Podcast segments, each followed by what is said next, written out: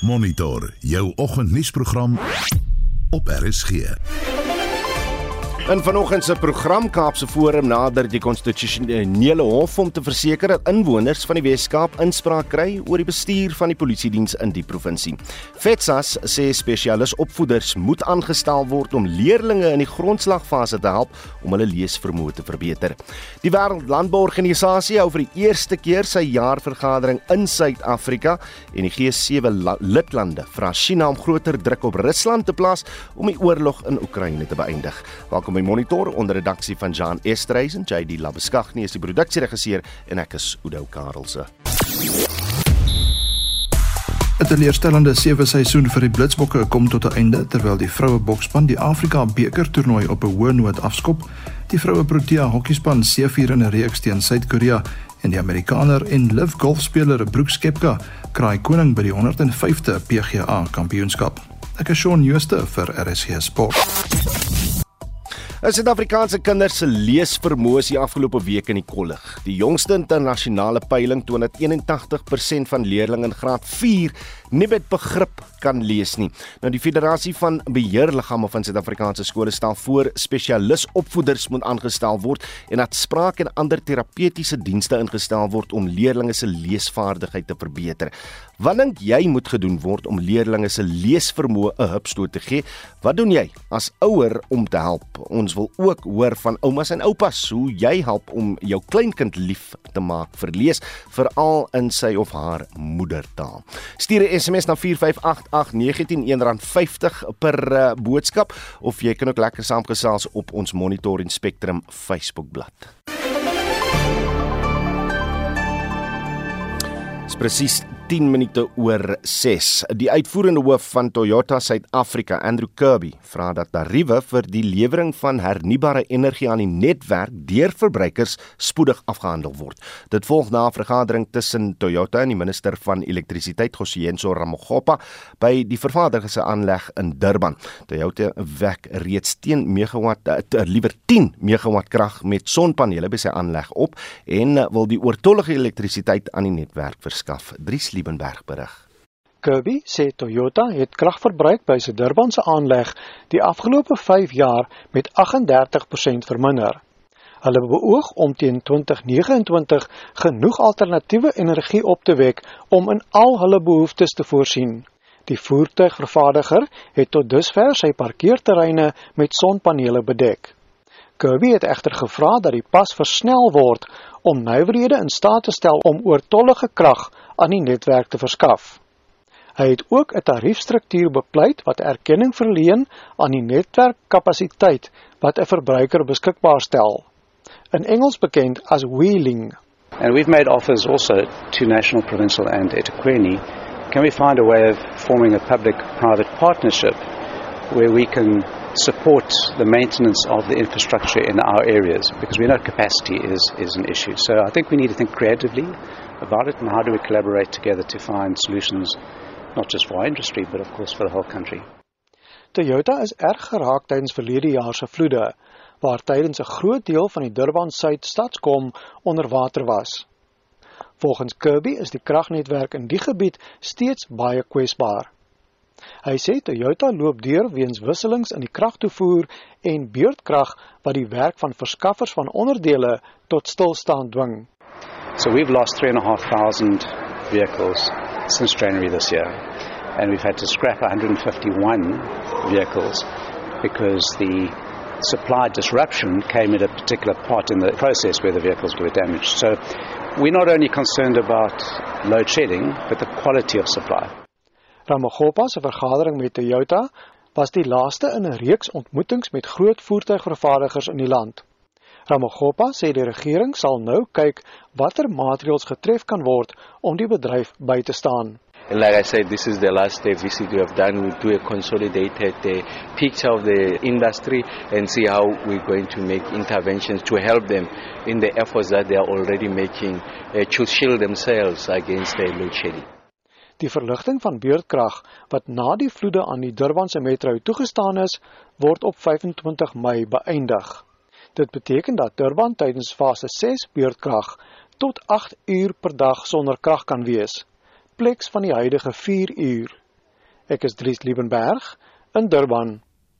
Die Kaapse Forum het Vrydag 'n aansoek aan die konstitusionele hof gerig wat beoog om te verseker dat inwoners van die Wes-Kaap 'n groter inspraak kan kry oor hoe die polisiedienste in die provinsie bestuur word. Die voorstel is dat dit gedoen moet word met 'n provinsiale referendum. Ons praat nou met die voorsitter van die Kaapse Forum, Hendrik Weingart. Hendrik, goeiemôre. Goeie goeiemôre ook aan jou en aan al die luisteraars. Sê my wat moet verander om uh, die premier van 'n provinsie in staat te stel om 'n referendum te kan hou? So Udo artikel 127 127 van die grondwet maak wel voorsiening daarvoor dat provinsiale referendums gehou kan word. Dit stel dit dan duidelik dat dit in ooreenstemming met nasionale wetgewing gedoen moet word. Die vraag is of sodanige wetgewing bestaan. Mm.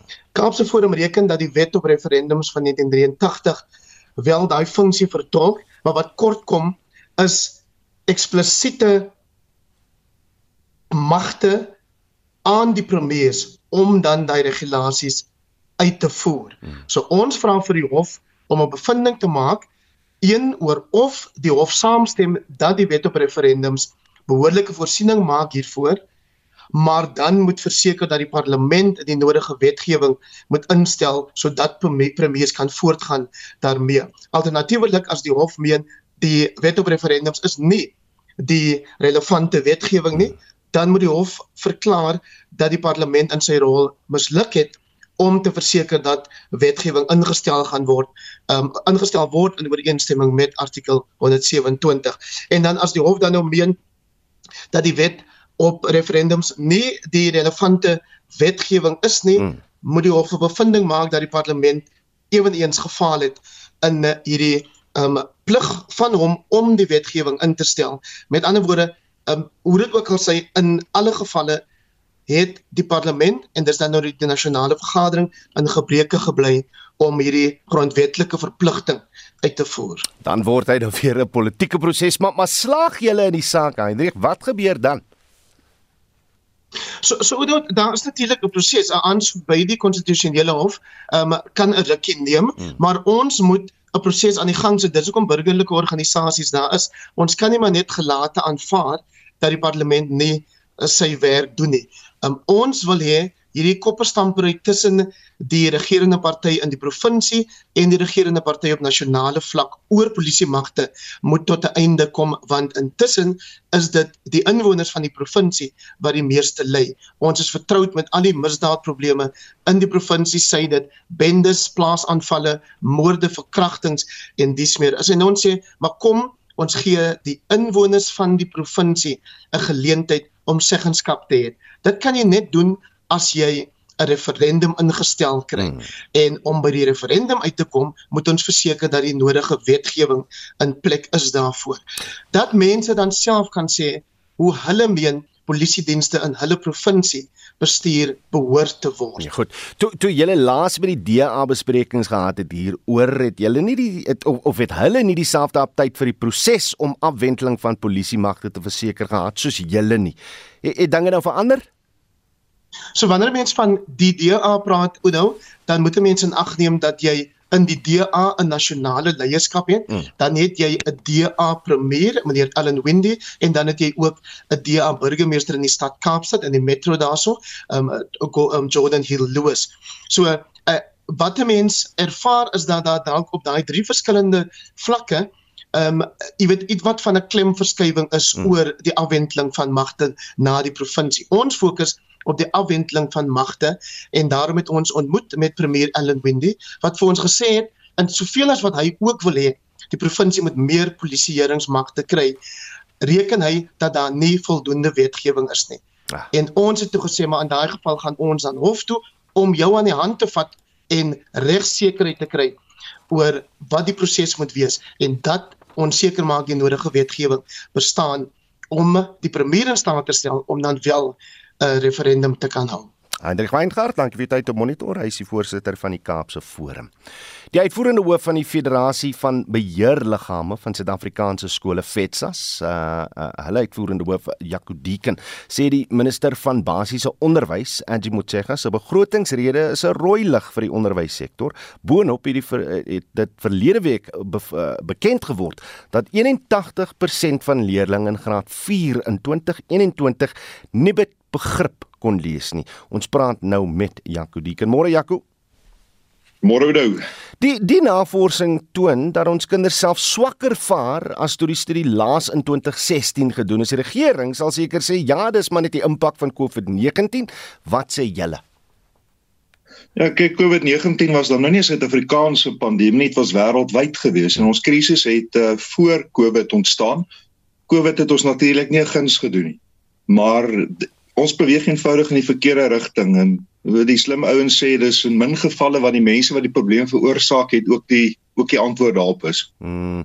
Weet ons hoe die kinders in private opvoeding in Suid-Afrika vergelyk met kinders by openbare skole as dit kom by leesvaardighede? Oudo, hierdie spesifieke studie het gefokus op die openbare skole, so daar's nou nie 'n aanduiding nie, hmm. maar my gevoel is dat dit baie beter gaan wees want een van die faktore wat ek dink 'n reuse rol speel is dat ons klaskamers eenvoudig te groot is in die grondslagfase. En ek dink in ons onafhanklike skole is dit dalk een van hulle groot suksesse is. Daardie klasse is kleiner. So ek vermoed as daar 'n vergelykende studie gedoen sal word gaan die onafhanklike skole veral die, die skole met kleiner klasse verseker beter vaar. Jaco, dis nie asof ons nie genoeg geld bestee in opvoeding nie en boonop uh wat die begroting van die minister van basiese onderwys betref, het julle ook kritiek teen die 121,5 miljoen rand wat die minister aan die National Education Collaboration Trust toevoeg. Hoekom sê jy is die uh, die, die geld vloei in 'n verkeerde rigting? Ja, ek dink as 'n land eh, is daar 'n groot verbintenis om groot klomp geld na onderwys te kanaliseer. So is nie 'n tekort aan fondse nie, maar ek dink dis hoe die fondse aangewend word.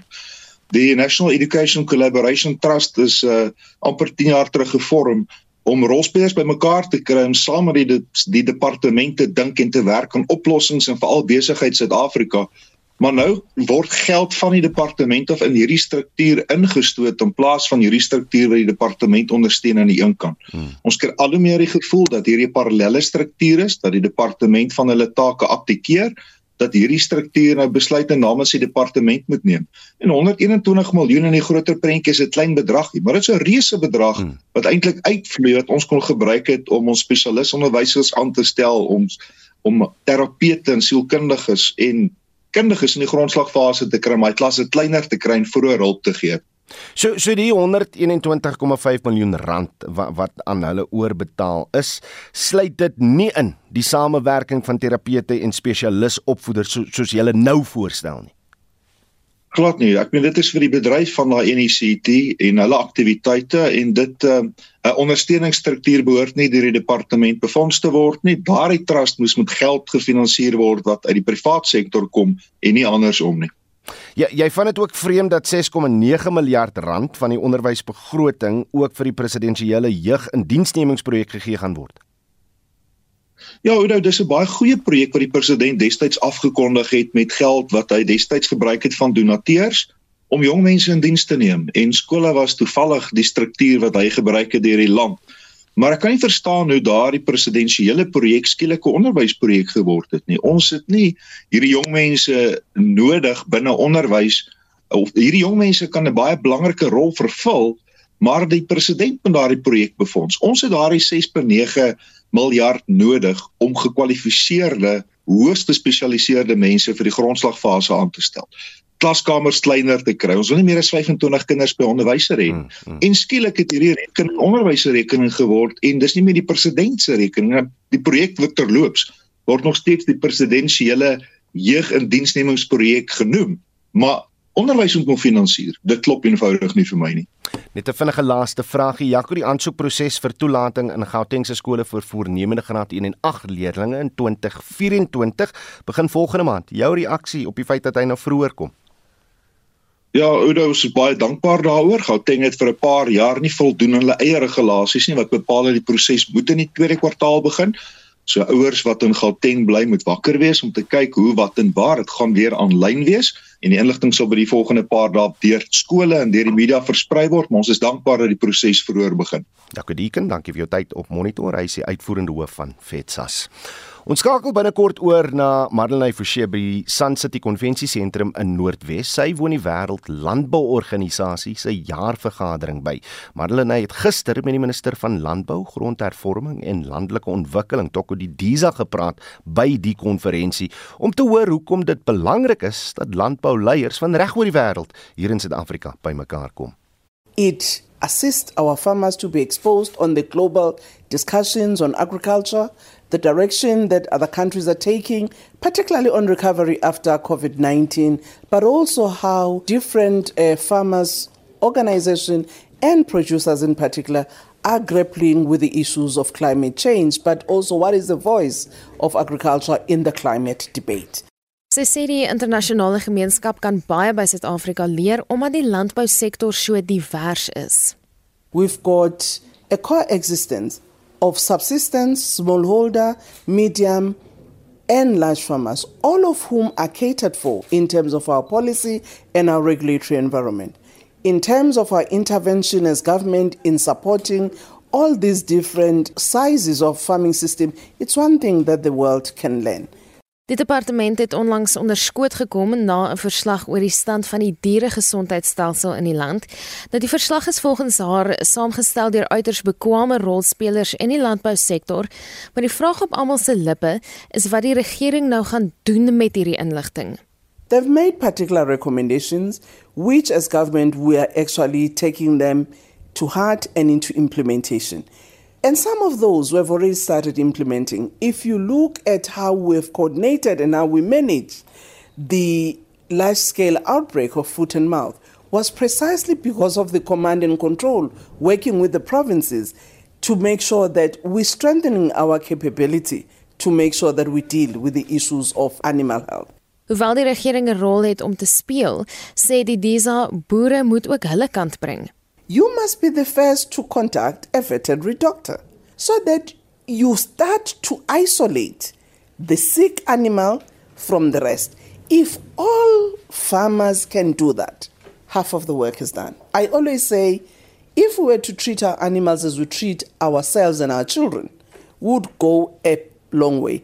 En wat die gebrekkige inentings vir bloutong en perdesiekte betref, het sy as volg gereageer. We are working with other private sector companies. Our registrar is also looking at other private sector companies who want to register vaccines for blue tongue. And I must say that uh, one of the industry that has actually been approved has indicated that while this vaccine is there, but that vaccine is actually a booster. So you would still need a vaccine to be able to. So we are dealing with those issues because we appreciate the importance of these vaccines for the animal health of our country. Was minister van Landbou, Grondhervorming en Landelike Ontwikkeling Toko Didiza. Marlene Forsie, SAK nuus, Noordwes.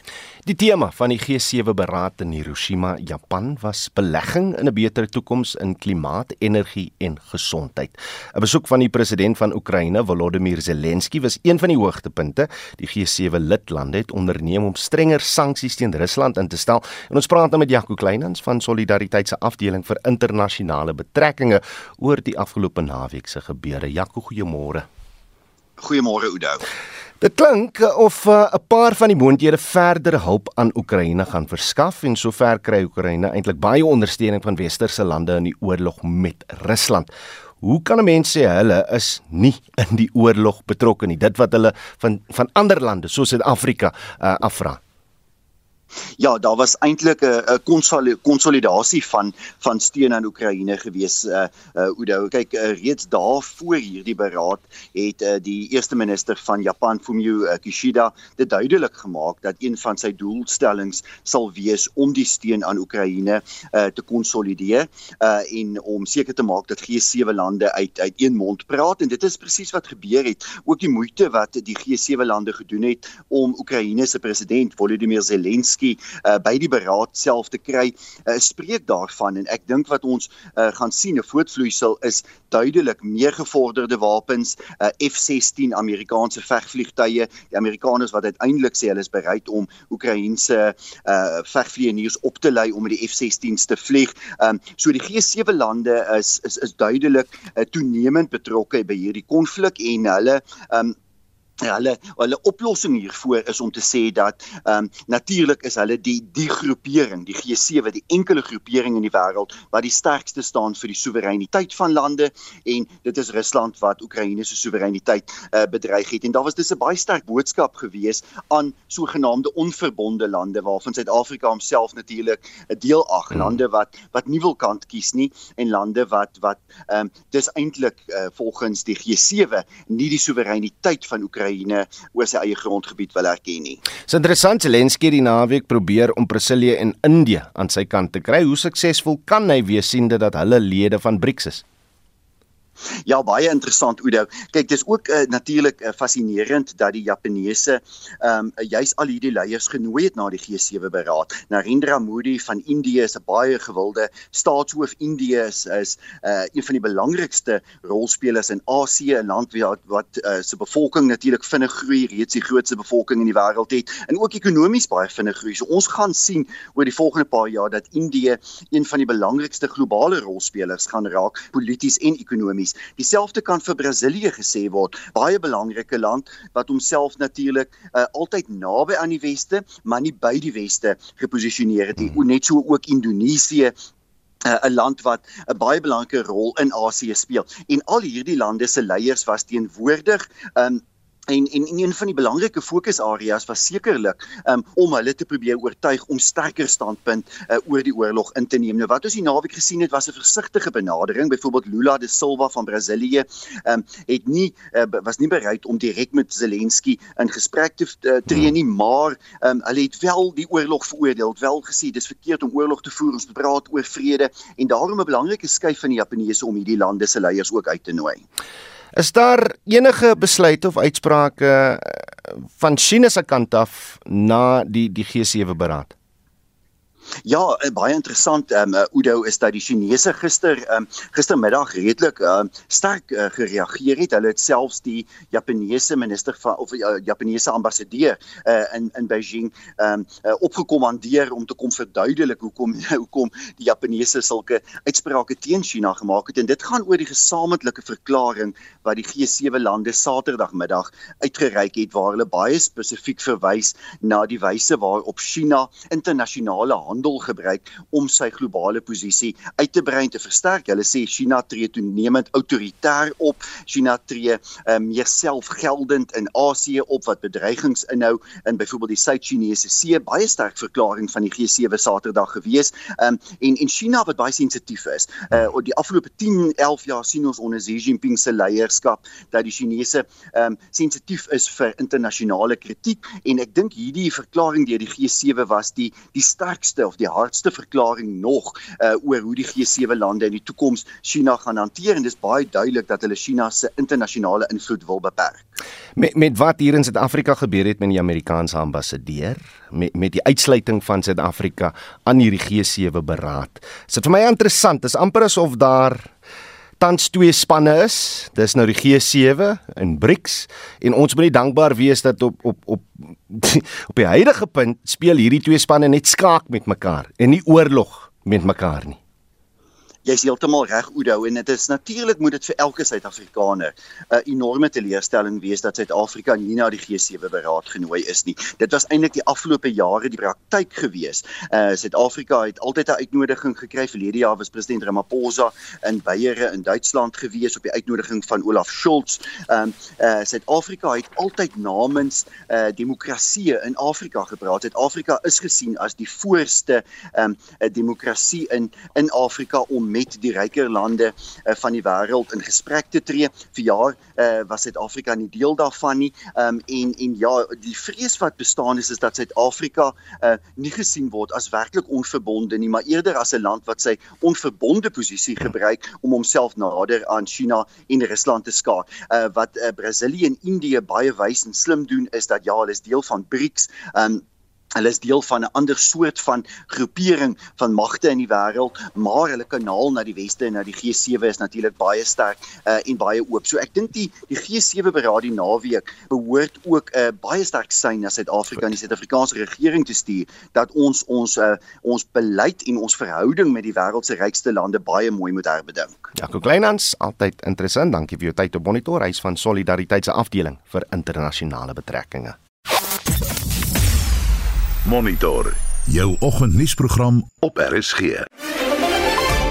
633 en in die tweede helfte van die program voedselsekerheid is onder die kollig by die Wêreld Landbouorganisasie se jaarvergadering in Noordwes. En ons het die jongste nuus oor die Wêreld Tafeltenniskampioenskap wat hier in Durban plaasvind. Bly ingeskakel. Reg is tyd vir 'n bietjie van julle terugvoer. Suid-Afrikaanse kinders se leesvermoë is die afgelope week in die kollig, uh, die jongste internasionale peiling toon dat 81% van leerders in graad 4 nie met begrip kan lees nie. Nou wil ons vanoggend weet, wat dink jy moet gedoen word om leerders se leesvermoë hupstoot te gee en wat doen jy as ouer om te help? Ons het met die Federasie van Beheerliggame van Suid-Afrikaanse skole ges, uh, gesels vanoggend en hulle sê ons het spesialis opvoeders nodig, kleiner klaskamers nodig. Wat sê jy? Sandra de Roubaix sê ons het nie spesialis onderwysers nodig nie. Ons het onderwysers nodig wat hulle werk doen en politici wat moet bedank. Ek was betrokke by 'n organisasie wat onderwysers uit die landelike areas ekstra opleiding gegee het. Hulle metodiek is verbuisterend swak. Daarby sit 'n graad R juffrou met 60 kinders in haar klas. Ons politici moet gaan uh, kers opsteek by Finland en Singapore. Toe Singapore onder op die punte leer was uh, vir wiskunde het hulle besluit iets moet gedoen word. Vandag is hulle top in die wêreld. Finland se skoolure is amper die kortste ter wêreld, maar hulle prestasies is die beste. Ons moet wegkom van die fixed mindset, sê Sandra, waar alles of reg of verkeerd is. Laat weet hoe julle hieroor voel. Julle SMS deur na 45889. Dit sal jou R1.50 kos per boodskap of jy kan saamgesels op ons Monitor en Spectrum Facebookblad. Dis 22 minute voor 7. Marlene Forsie is by die Wêreld Landbouorganisasie se jaarvergadering in Noordwes en ons skakel nou oor na haar. Môre Marlene. Goeiemôre Oudo, hoe gaan dit daar in Johannesburg? Koud. Baie baie nee, koud. ook.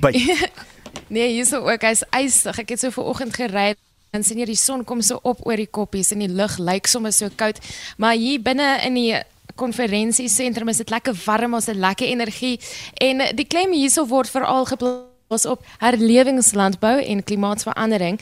En ons jy's gister baie hieroor gepraat in van die gesprekke wat gehou is want alles wat hier gebeur en hier bespreek word het 'n doel. Nou die president van die organisasie is Arnold Dalisac en hy sluit nou by ons aan. Hy is van Frankryk af, so ons gaan met hom in Engels praat. Good morning. How are you today? I'm fine. I'm very glad to be in this country and to discover the, the nice culture and the nice people. I, I met some of them. I, I know Theo since uh, seven years, and uh, I appreciate already the African people uh, and South African people. Uh, but here it's really a nice discovery. Wonderful. So, for the people who don't know, what is the primary role of this organization? Why was it established? Um, we established this organization to represent the interest of the uh, farmer in the global arena. Um, you must know that if you are not at the table of the global negotiation, you can be at the menu, and we are very often at the menu. And uh, we, we developed this uh, organization for representing our, our, global interests. We are all fighting climate change. We are fighting uh, uh, difficulty in the food chain, and um, our solution are, are, are global. Part of the solution need to be developed locally, but we need to exchange always all together. A lot of the conversations that we are hearing is about regenerative farming, a lot of emphasis on climate change. Um, why is it so important that the agricultural sector focus on climate change? We are the first uh, victim of the climate change. Every day we, we see that uh, it's not uh, the, the, the, as the year before, and sometimes it's uh, more and more difficult. But uh, we have some of our colleagues since a long time practice regenerative agriculture, we are more and more efficient, we till less and less, we plow less and less, we fix carbon into the soil. And uh, if, if all the farmers of the world adopt these methods, we are able to catch all our greenhouse gas emission, and that's important to, to be aware of that. But of course, farmers are like all the citizens into into the world. We are conservative, and sometimes we don't want to change our practice. How do we change practice? What is driving change? And are people slowly getting the hang of working this way? The FAO say, and I, I agree about that, farmers need to get better. Uh, uh, when I say to get better, sometimes uh, it just uh, be more productive, less conservative. Sometimes we have too much animal with a few produ- productivity, and you know the, the animals are, are, are producing, and, and sheep, goat, and, and cow are producing methane. Uh, we need to produce a maximum of milk, a maximum of uh, of meat with this animal, not to have too much animal because it was the the, the old way of reasoning uh, to have a large number of animal. It's really old-fashioned, and, and we, we need to be more efficient. Let's take a step back and look at some of the other challenges. Yesterday, you and I were speaking about some of the ch- challenges that farmers are facing. You said there are three C's climate, and then what are the other two? Can you elaborate on us. What is the problems? Uh, uh, uh, we are the victim. We are like all the, the, the citizens into the world, the victim of the conflict. Of course, the conflict between Russia and, and, Ukraine, but the fact that in all the Middle East, Uh, in Syria, uh, in Yemen, uh, in Sudan, in the Sahara, the instability, it's not good for farming. It's not good for the citizen, and the people are angry and angry at the same time uh, for, for all these reasons. And um, that's the first, uh, or the second after the climate. And, and the third C, it's the cost of production. The, the cost of, of production are really increasing, uh, and that's why the, the price are also increasing at the level of the consumers. Especially concerning the conflict between Russia and Ukraine, how is this organization helping people to keep their head above water? We, uh, we, we, we support the, um, the, the corridor agreement. It's fundamental to export all the quantity of uh, of wheat, uh, sunflowers, uh, and maize who are in, in, Ukraine, and also the fertilizer, because Russia and Ukraine are a big exporter uh, of nitrogen, and nitrogen is fundamental for feeding our plants, who feed the, the world. Be aware that one century ago, we were less than 2 billion of citizens, well, four times more, to, with this, on the same land. And of course to be more efficient we have developed an efficient agriculture with fertilizer. And fertilizer are really the base of uh, uh, the maximum of the yield uh, we need I'll be back with you in a second. Ook hierso by my is Theo De Jager, voorsitter van SAI. Hy was ook die president gewees van hierdie organisasie. Theo, hoe belangrik is dit dat hierdie organisasie hier is dat die boere van die wêreld in Suid-Afrika kom om te praat oor hierdie dinge. Alleen soos enige ander landbouorganisasie of dit nou 'n plaaslike boerevereniging of 'n distriklandbouunie of 'n internasionale struktuur is, die hooffunksie is maar om beleid te beïnvloed. En hierdie organisasie beïnvloed beleid op internasionale vlak. En daar is soveel maniere waarop internasionale beleid ons beïnvloed op die gebied van handel, op die gebied van biodiversiteit en natuur, op op die gebied van klimaatsverandering en innovasie en so voort. So deur hulle hiernatoe te bring, gee ons vir die ander boere in die wêreld 'n glimpsie van die implikasies van internasionale beleid op ons landbousektor.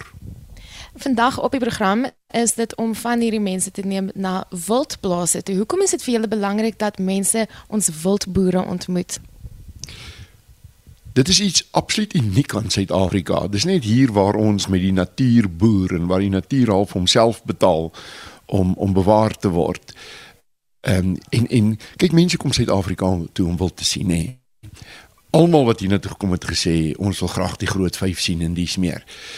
Ehm um, en daar is enorme druk op die jagbedryf. Daar's enorme druk op eintlik die verhouding tussen mens en dier oor die algemeen. So om deur hulle na hierdie wildplase toe vat, te vat, probeer ons 'n bietjie meer begrip skep vir wat dit beteken om met die natuur te boer. Hierdie organisasie, die Wêreldlandbouorganisasie se wortels lê in Suid-Afrika. Dit het begin hier in Stellenbosch 2011. Ehm um, het julle gedink dat dit so groot gaan word dat dit gaan groei tot waar dit nou is? Nee, nee, dit was ver anderkant ons wilste verwagtinge. Jy weet op hierdie stadium is daar 86 nasionale landbouunies wat betrokke is by die wêreldlandbouorganisasie op al 16 kontinente. En nie eers twee boere boer dieselfde nie. Wat nou nog te sê boere van verskillende kontinente. So op hierdie vlak is dit regtig moeilik om beleid uit te dors om boere te kry om met mekaar saam te stem oor wat hulle wil hê. Ehm um, en dit gebeur by hierdie geleentheid wat ons met mekaar stoei om internasionale beleid te vorm. As jy wil beleid beïnvloed, moet jy allereers beleid hê. En 'n baie belangrike deel wat ek agterkom soos wat ek hier in die gange loop is die betrokkenheid van die jeug. And this is something that you are really passionate about. Um engaging with the youth and creating a platform for young farmers to also have a place in the international community. Yes, young farmers are our future everywhere in the world. Uh, a lot of farmers uh, will become retired uh, very soon, and and the place of the youth, they have a, lot of farm need new new generation, and uh, and the farmer is organized dif in different way uh, into the world. Um, they have they are not able to join uh, FAO, United Nations, the COP. We we we uh, we were more than 100 farmers at the last COP in, in Sharm el Sheikh, and we expect to be uh, more than that in Dubai. And we open the, the floor uh, to the young because it's the generation who will change more quickly uh, than the, than the, the, people of my generation, uh, uh, and it's also a, a wonderful uh, image for our sectors because we need to to, to show uh, to that we are representative of all the the civil society from from the youth to the senior and uh, no I have been representative of the young farmers in Europe. I have learned a lot uh, by the exchange with the other, and I expect to create the same platform at the global level. Baie dankie. Dis albe vir ons vanoggend tyd het. Ek het nou gepraat met die president van die Wêreld Landbouorganisasie Arnold Alisak en by my ook is die voorsitter van You die Jager. Baie dankie vir jou tyd. You. Thank you so much for your time. En uh, terug na julle in die ateljee Udo. Fantasties en dit was ons Marlenae Forsie wat ons op Monitor Spectrum en Brandpunt op hoogte van sake sal hou van verwikkelinge by Sun City. Dis natuurlik die Wêreld Landbouorganisasie se jaarvergadering. Reg in ons sportnuus eh, sal Shaun Joost ons op hoogte hou van al die groot hooftrekke en uitslae van die afgelope naweek. Boonop gaan ons eh, 'n draai in Durban maak waar die wêreldtafeltenniskampioenskap tans aan die gang is, maar vir nou eers al die jongste sportnuus. Môre Shaun. Goeiemôre Oude. Kan ons hulle nog die blitsbokke noem? Liewe aarde. Uh, want hierdie manne moet nou op 'n harde manier vir die Olimpiese spele in 2024 kwalifiseer na nog 'n teleurstellende naweek ja, oor die hele seisoen as 'n geheel was eintlik nogal baie teleurstellend geweest. Nie die uh nie die uh, vlak van standaard wat ons ver verwag van die Blitsbokke af nou die naweek se London Sevens toernooi was ook die laaste been van die wêreld Sevens reeks vir die seisoen en na Nederland teen Groot-Brittanje en Nieu-Seeland en 'n gelykop uitslag teen die VSA in die groepsfase en sy het die Blitsbokke darms gister vir Japan met 29-7 getroof en daarna vir Amerika met 47-5 kaf gedraf maar ongelukkig net 9de geëindig. En die Blitsbokke moet nou die Afrika streekstoernooi wen om vir Parys 2024 te kwalifiseer. En die vroue boksspan het die Afrika beker toernooi met 'n 87-0 oorwinning oor Kameroen begin en hulle speel Woensdag teen Kenia Ewelik na uitstekende verdediging in die tweede toets stap ons pro, uh, vroue Protea hokkiespan toe met 'n reeks oorwinning teen Suid-Korea weg. Ja, dit was 'n suksesvolle toer gewees deur die hokkiespan. Suid-Afrika wen die reeks van 2 toetse 1-0 teen Suid-Korea wat 10 plekke bo Suid-Afrika op die wêreldranglys is. Die eerste toets het 3-1 gelyk op geëindig en Suid-Afrika wen die tweede toets 2-0 danksy daardie uitstekende verdediging. Ja, kom ons praat bietjie golf en ek het lanklaas gesien dat 'n golfspeler uitgehou word deur die skare, maar dis wat gebeur het met die Live Golf spelers hierdie naweek in die uh, jaar se tweede major. Ja, en die Amerikaner en live golfspeler Brooks Koepka het sy 5de major titel ingepalm toe hy die 105de PGA kampioenskap gewen het. Nou hy eindig die toernooi op 9 houe onder die baansyfer, twee houe minder as sy landsgenoot Scottie Scheffler en ook Victor Hovland van Noorwe. En uh, die die groot sokkerligas vir ons hier by die huis en in Engeland is nou agter die rug. Ja, Orlando Pirates eindig tweede op die uh, Premier Liga na 'n 4-0 oorwinning oor AmaZulu die naweek en Kaizer Chiefs, ongelukkig my span, verloor 1-0 teen Cape Town City. Hulle eindig 5de en City 4de. Nou Chiefs het 12 wedstryde deur die seisoen verloor, 'n nuwe rekord vir hulle. En in Engeland is Manchester City die, eh, die naweek reeds as kampioene bevestig nadat Arsenal uh, teen Nottingham Forest verloor het. City 7-4 toe 1-0 teen Chelsea gister en dan Newcastle en Manchester United kort slegs 1 punt van hulle laaste twee wedstryde om vir die Kampioenligga te kwalifiseer. Dit was na hulle oorwinnings en Liverpool se gelykop uitslag teen Aston Villa. En uiteindelik staan ons nou 'n bietjie meer as net op die drempel van die uitklopfase van die langste toernooi in die wêreld, die die IPL. Ja, nee, na omtrent 7 weke is ons nou finaal eintlik hier by die top 4. Nou die top 4 spanne wat deurgedring het is die Gujarat Titans, Chennai Super Kings, Lucknow Super Giants en Mumbai Indians. Nou Mumbai het Sunrisers Hyderabad gister met 8 paaltjies getroof en Faf du Plessis se Royal Challengers Bangalore span moes wen, maar verloor toe ongelukkig met 6 paaltjies teen Gujarat. Nou Gujarat en Chennai pak mekaar môre in die eerste uitklopwedstryd. En dit dan Shaun Jooste van RSG Sport. En nou terug na ons fokus vanoggend. En in 1926 het die eerste wêreldtafeltenniskampioenskap in Londen plaasgevind. Tot en met Saterdag speel Durban gasheer vir hierdie jaar se toernooi. Dit is slegs die tweede keer in die geskiedenis van die kompetisie dat Afrika gasheer land bied. Ons praat nou oor die rare gebeurtenis met die president van die Suid-Afrikaanse uh, Tafeltennisraad, Joe Karim. Joe, goeiemôre. Goeiemôre Oudo, hoe gaan dit? Nee, dit gaan lekker en uh, wel gedaan dat hulle die toernooi hier in Suid-Afrika kon kry, maar maar Kaïro was laas in 1939 namens Afrika gasheer. Hoekom het dit so lank geneem vir die toernooi se terugkeer na ons vasteland, Jou? Ja, Oudo, wel van van Suid-Afrika is dit maar maar hoe sal ons sê ons eie ons eie verhaal want as jy terugkyk na ons ons geskiedenis hmm dan was ons in en uit in internasionale sport en en ons het toe uiteindelik het ons ook besef as as die internasionale raad dat uh, ons ons toernooi is te groot hmm. en ons moet basies van ons het net een wêreldkampioenskap gehad dit was was nie 'n uh, 'n kampioenskap wat wat uh, waar, waar jy kwalifikasies gehad het nie hmm. en so met die nuwe stelsel het ons 'n kwalifikasie wat begin op streeks uh, vlak soos hier by ons is zone 5 hmm. uh, soos ons sê die die SADC countries uh, en hulle en ons het die die die die die die, die regional vlak gewen hmm. gekwalifiseer vir die kontinentale vlak en daar het ons uh ongelukkig nie deurgedring deurgedring nie maar uh, wel ons as die, die ons is die die host soos hulle sê en en daar is ons nog nog uh deelgeneem vir well, daar die was nog deel van uh, in die ehm um, in die toernooi hier as gaste. Lieflik, lieflik. Ehm um, ons verstaan julle julle het op dag 1 'n paar logistieke probleme ervaar. Wat het verkeerd geloop en is dinge nou weer goed op dreef, jou? Wel, uh Daar is eintlik groot logistieke probleme nie, uh, Udo, want as jy kyk na hoe ons die openingsseremonie en so voortgehou het, uh, het alles uh goed afgeloop.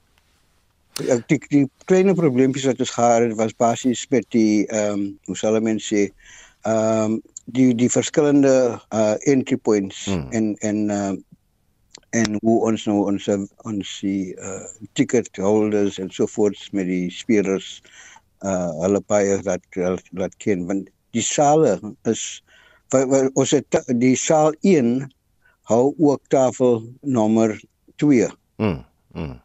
So baie mense nog gaan na 'n tafel toe maar hulle het nie geweet dat die hulle kyk na die saal op hulle kaartjie maar nie die die tafel nie en en so 'n bietjie deur. So dit is ver ja. maar maar maar klein haakpunte. Dit was maar klein kies ja, dit nee, was nie was niks wat wat die wat die spel betref nie. Uh die spelers is almal gelukkig die uh die die tegniese offisiers en en so voort hulle is almal op hulle plekke en so hulle weet wat hulle doen uh ja, nee, ons het eintlik sulke rakke gehad. Wel ek 'n joke sê vir alles van die beste vir die res van die week. Ons gaan so 'n bietjie later in die week. Wel ek ons het nou mense nou net bekend gestel aan die sport van tafeltennis hier in Suid-Afrika en en verwittig oor die feit dat ons uh, gasheer is vir die wêreldkampioenskap. Maar ek wil later in die week praat met van ons bestes. So luister uit daarvoor en dit dan ons sport vir vandag. Nou, honderde jong mense het tot dusver opgedaag om kering te ondergaan vir die Suid-Afrikaanse vloot se werwingsveld tog vir duikopleiding, maar net 'n handjie vol het die strawwe toetse geslaag. By 'n keringsgeleentheid by die Kings Park swembad in Durban is meer as die helfte van die sowat 230 aansoekers weggewys omdat hulle nie aan die wiskunde vereiste voldoen nie. Dries Liebenberg doen uh, verslag. Hey, we're not laughing. Your time is coming. Candidate, 300 meter swim, it is 6 left, 8 minutes required, your time starts now. Uit die staanspoor het die vloot se hoofduikinstrukteur, adjutant-offisier Lunga Mlawu, aansoekers op hulle plek gesit toe party gelag het terwyl die eerste 4 reggemaak het vir die 300 meter swemtoets. Uit die eerste groep het net een van die 4 aansoekers die 6 lengtes voltooi. Die ander swemtoetse sluit in om met 'n snorkel te swem, met duikgewigte om jou middel te swem en om met 'n duikmasker half vol water te swem en daarna moet aansoekers nog die standaard fiksheidstoetse suksesvol voltooi soos om 2,4 km in onder 12 minute te hardloop en 55 opsitte in onder 2 minute te doen. Dit was egter die vereiste vir suiwer wiskunde in matriek of vlak 3 tegniese wiskunde wat meeste van die aansoekers gepootjie het nog voordat die fisiese toetse begin het. Luitenant Lucky Kobane verduidelik waarom wiskunde 'n vereiste is. The Navy diving as a profession, it subscribes to a certain standard. And uh, unfortunately, as you would go to an institution, if you want to be an engineer, you have to meet uh, certain criteria. So that is the same with uh, Navy diving, and especially that lives are involved as well. So you need to know what you are doing in the water in order for you to make it through and uh, for us to certify you as a fully and fledged qualified diver. Kobane voeg egter by dat hulle in die keuringsproses op die uitkyk is vir meer as goeie swemvaardighede en fiksheid. They have to be able to swim to a certain extent and they must just have a never dying spirit and uh, just uh, carry on. They shouldn't stop once they start swimming they must just uh, go on with the selection. Tabo Zulu van Umlazi in die suide van Durban sê hy kon die 300 meter swem gemaklik voltooi omdat hy as menseredder 16 lengtes in 6 en 'n half minute swem. Hy sê dis van graad 11 af al sy droom om by die vloot aan te sluit. I came here because my father told me I need to have two options. Either I become a lifeguard or I join the Navy. I'm positive that they will take me, but I will continue working as a lifeguard. 'n Ander aansoeker, die 19-jarige Sepiwe Zungu, het al die pad van Manguzi aan die Mosambiekse grens gereis vir die keuring omdat dit sy passie is om by die weermag aan te sluit en sy land te dien. I can call it as a traditional swimming because I've been doing it in the dams, something like that. It wasn't really a professional thing, but we used to do it. Kobane sê nog net 12 aansoekers het die toetse in 6 provinsies geslaag. Die vloot het plek vir 30 rekrute vir die duikkursus. Ek is Dries Liebenberg in Durban. Skakel gerus in op Spectrum tussen 12 en 1 vanmiddag vir nog nuus aktualiteit. Ons ook brandpunt omstreeks kwart voor 6 vanmiddag. Ons groet dan namens ons uitvoerende regisseur Nicoline de Wee, die redakteur vanoggend te Jean Estreisen. Ons produksieregisseur is JD Labeskagni en ek is Udo Karelse. Geniet jou dag in die geselskap van RSG op en wakker is volgende. Totsiens.